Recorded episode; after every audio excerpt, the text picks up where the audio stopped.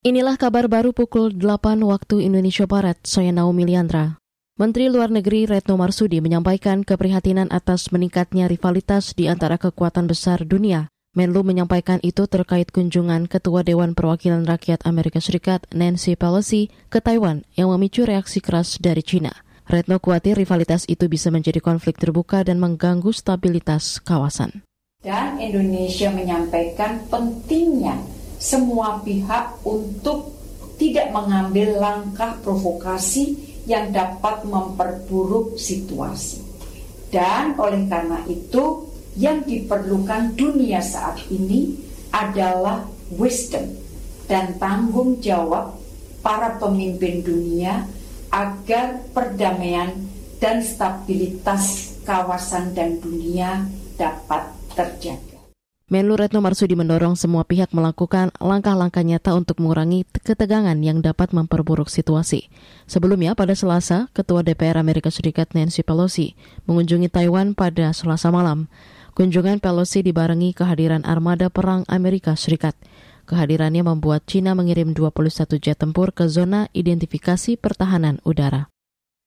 Wahana Lingkungan Hidup Walhi NTT menilai polemik kenaikan harga tiket masuk Taman Nasional Komodo TNK hanya satu dari sekian banyak pemicu protes masyarakat setempat.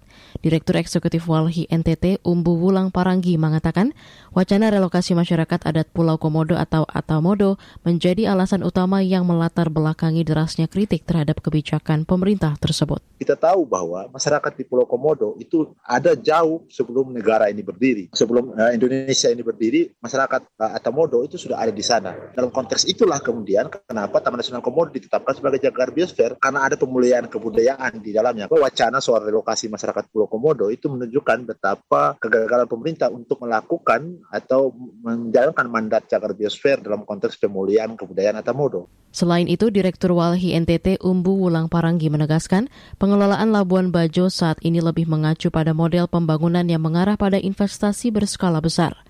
Pembangunan itu dilakukan dengan tanpa memperhatikan hak-hak masyarakat maupun keberlanjutan alam.